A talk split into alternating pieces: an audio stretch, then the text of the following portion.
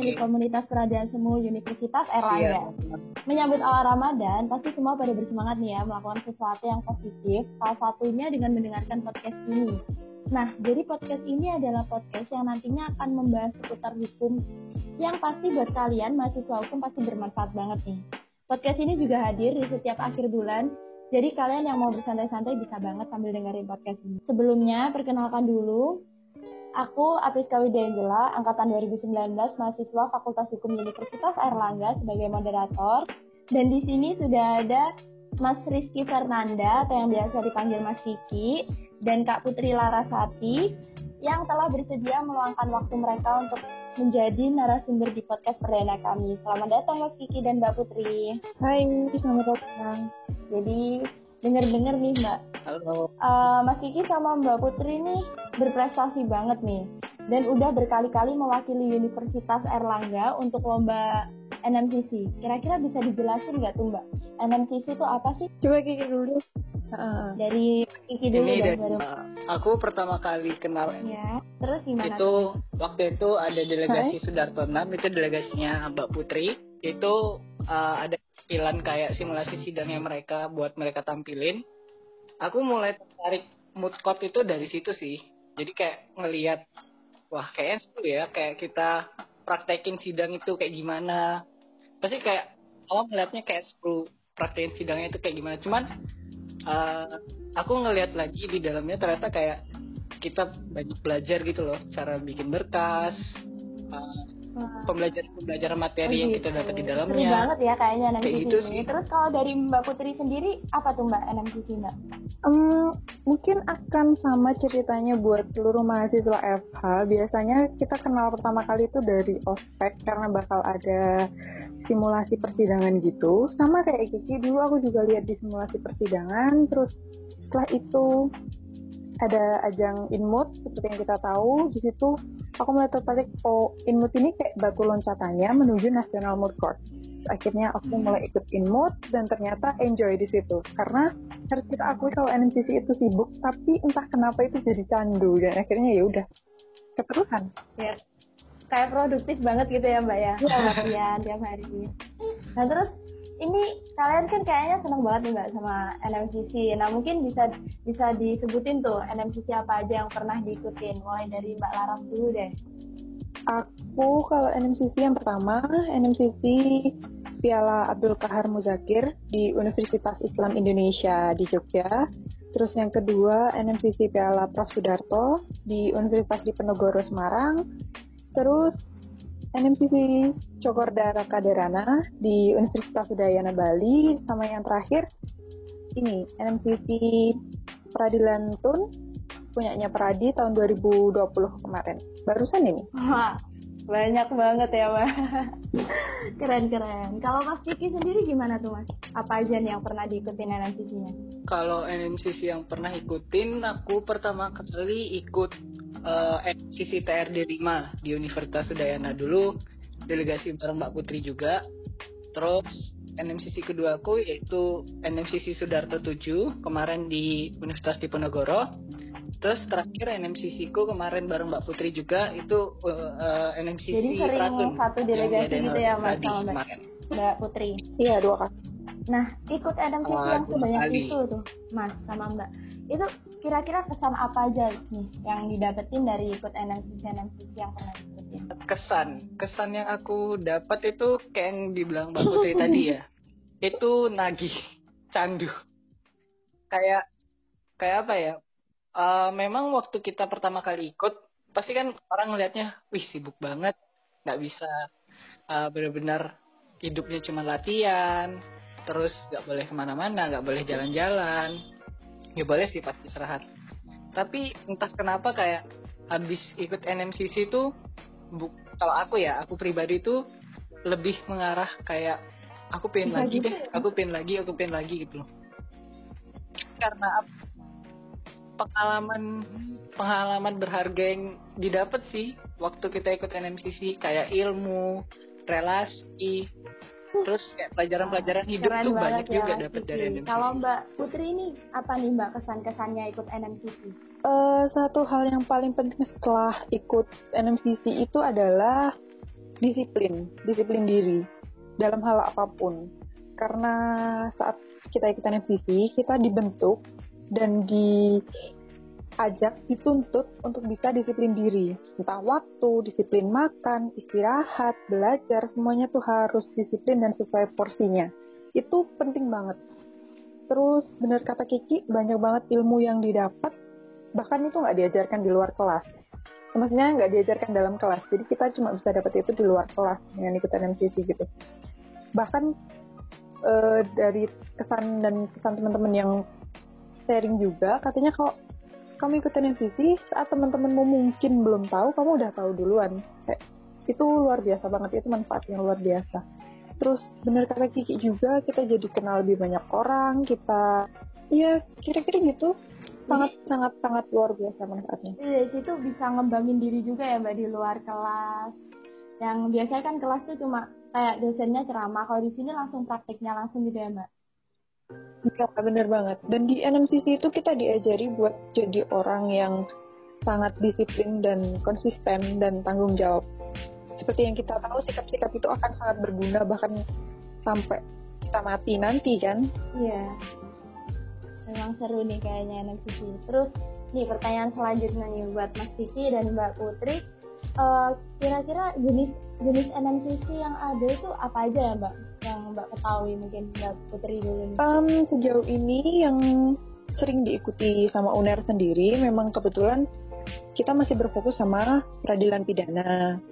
Eh, padahal di luar sana tuh ada juga perdata, terus ada kayak kemarin yang aku sama Kiki ikut, ada tun juga.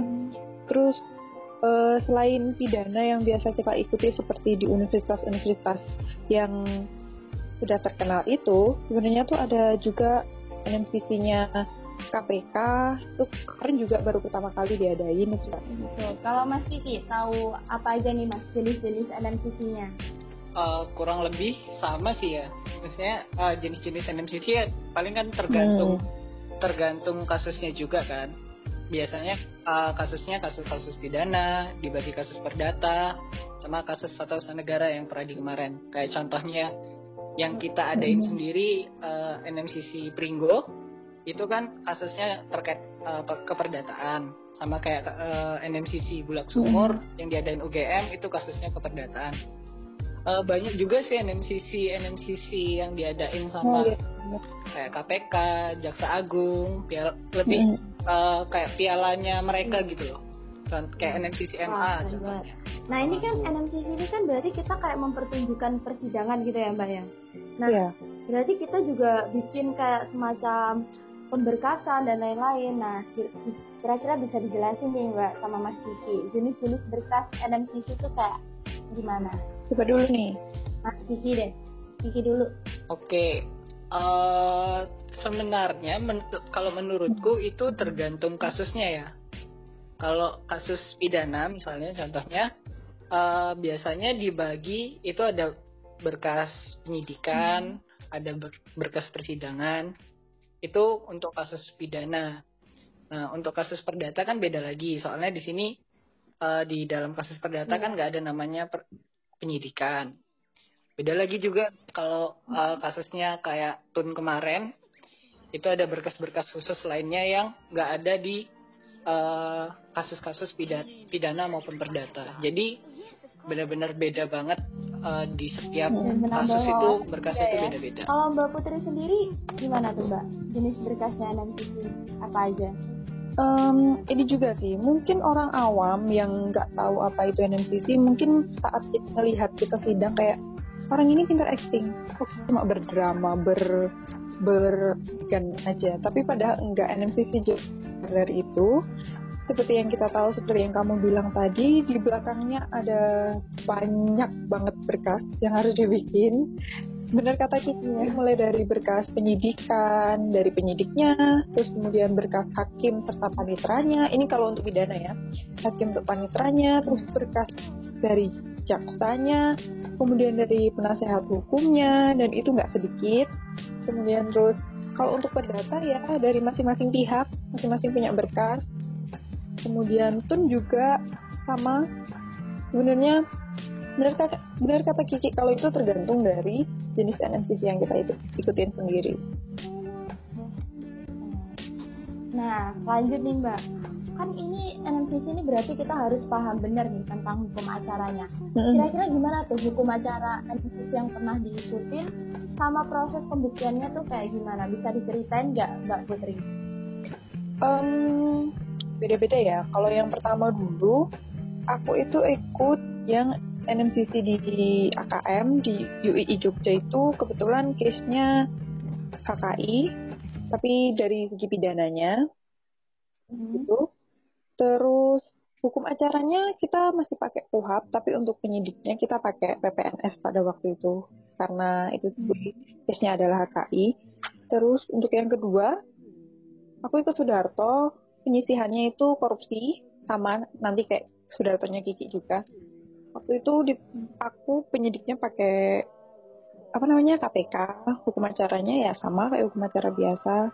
Yang ketiga kita aku bareng Kiki ini ikut di TRD itu kasusnya untuk yang penyisihan narkotika penyidiknya BNN itu terus yang terakhir kemarin Tun hmm. Gimana tuh kalau Tun gimana ya model pembuktiannya mungkin karena kemarin kita juga baru pertama kali ikut Tun ya. Jadi kita ya. melakukan pembuktian sejauh dan semampu kita serta berdasarkan riset, konsul dan juga kepada uh, praktisi maupun akademisi kayak gitu. Meskipun hasilnya kurang memuaskan. Tapi sejauh ini Mbak Putri udah keren banget tuh dengan ikutan yang Terus kalau Mas Kiki bisa diceritain nggak Mas hukum acaranya dan proses pembuktiannya tuh kayak gimana? Oke, kalau dari aku oh, sebenarnya sama karena ya. uh, dua NMC itu bareng kita sama gitu. Juga, beda beda tahun.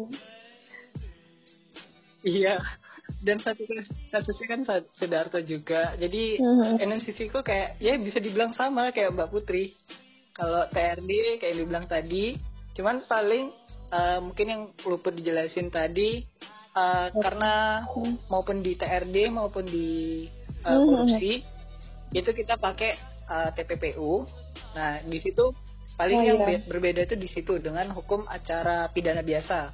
Di mana dalam hukum acara pidana di TPPU itu sendiri itu ada namanya pembalikan beban pembuktian. Di mana uh, buk terdakwa itu yang lebih uh, harus membuktikan asal usul harta kekayaannya. Jadi seperti itu. Se ya jadi kalau uh, selain daripada itu sebenarnya kayak sama sama dari kayak hukum hmm. acara pidana biasa yang kayak di KUHAP.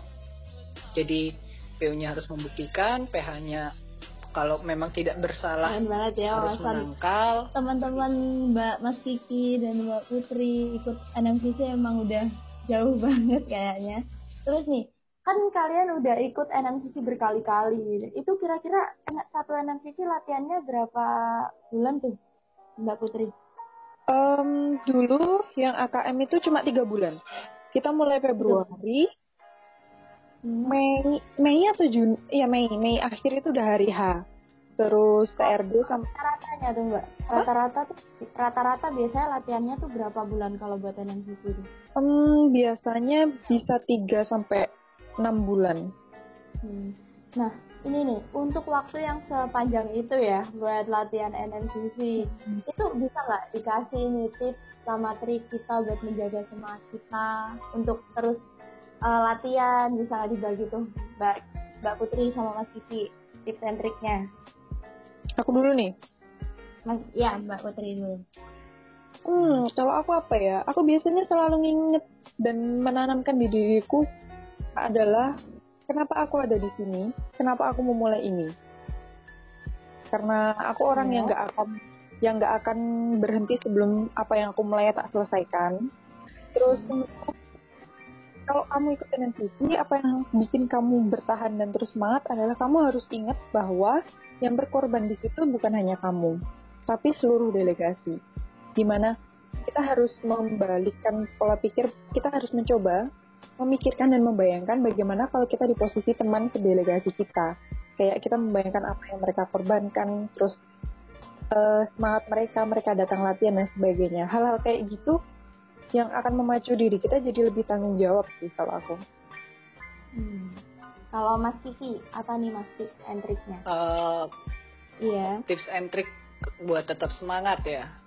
Pertama, uh, kuatin niat dari awal sih itu sebelum masuk NMCC itu hmm. menurutku itu hal yang buat aku ya itu paling penting ketika aku mau terjun ke NMCC aku harus kuatin niatku aku harus hmm. sudah tahu konsekuensi ketika aku masuk itu kayak gimana terus problematika yang mungkin bakal aku hadapi itu seperti apa sampai niatku ini benar-benar kuat nah ketika niatku udah kuat aku udah terjun ke dalamnya kedua pasti aku harus berkomitmen jadi ketika udah terjun ya udah dapat tanggung jawab di dalam situ itu kan bukan hal kecil ya hmm. mewakili nama universitas itu bukan hal yang menurut ketika kita salah kan yeah, yeah. Uh, nama universitas kita juga bisa jelek gitu loh terus benar-benar komit banget. Terus Bener. ketiga menurutku dibawa enjoy sih. Kalau aku uh, kalau aku bukan tipe yang apa ya latihan yang benar-benar harus sampai stres yang kaku banget itu nggak bisa sih menurutku. Dan alhamdulillah ya alhamdulillahnya uh, NMCC NMCC yang aku ikutin itu ketika waktu latihan itu kayak nggak benar-benar kaku banget gitu loh. Masih ada yang bawa enjoy lah. Jadi suasana juga sih juga penting sih menurutku. Membuat kita tetap semangat buat latihan itu. Kalau suasananya itu kayak benar-benar yang apa ya kalau bisa dibilang bahasa anak zaman sekarang mungkin toxic ya. Kayak benar-benar yeah. toxic banget di dalam itu pasti kayak kita nggak nyaman gitu loh. Ya otomatis kalau udah nyaman sama ya, ini ya pasti nggak bakal semangat. kunci selama kita latihan sepanjang itu bisa sampai enam bulan hmm. orang adalah komunikasi nggak sih ki komunikasi komunikasi sesama anggota iya, sesama yeah, delegasi bener, bener. itu sangat penting sangat penting keterbukaan. Misalnya, hmm. iya, misalnya ada satu dua hal aku nggak suka sama sikapnya Kiki ataupun sebaliknya, ya kita harus ngomong, kita speak up, kita selesaikan masalahnya. Karena kalau enggak, benar kata Kiki itu akan jadi bom waktu dan bikin suasana latihan nggak enak, kita nggak betah, latihan nggak enjoy, deadline berantakan, dan gitu. Hmm. Nah, sejauh ini Mas Kiki sama Mbak Putri udah udah nyeritain nih masalah uh, tentang NMCC ini. Mungkin teman-teman pendengar nanti juga ikut tergugah ya Mbak hatinya buat ikut NMCC mewakili Universitas Erlangga. Iya, harus dong, harus. Nah, ini udah Amin. di penghujung pertanyaan, udah di penghujung obrolan. Terima kasih untuk Mas Kiki dan Mbak Putri yang udah sharing pengalaman NMCC-nya dan meluangkan waktunya. Uh, Jadi mungkin podcastnya bisa kita akhiri di sini. Makasih ya Mas Kiki dan Mbak Putri. Semangat Halo. terus, sukses terus ke depannya. Terima kasih kembali. Ya, sama-sama. Terima kasih.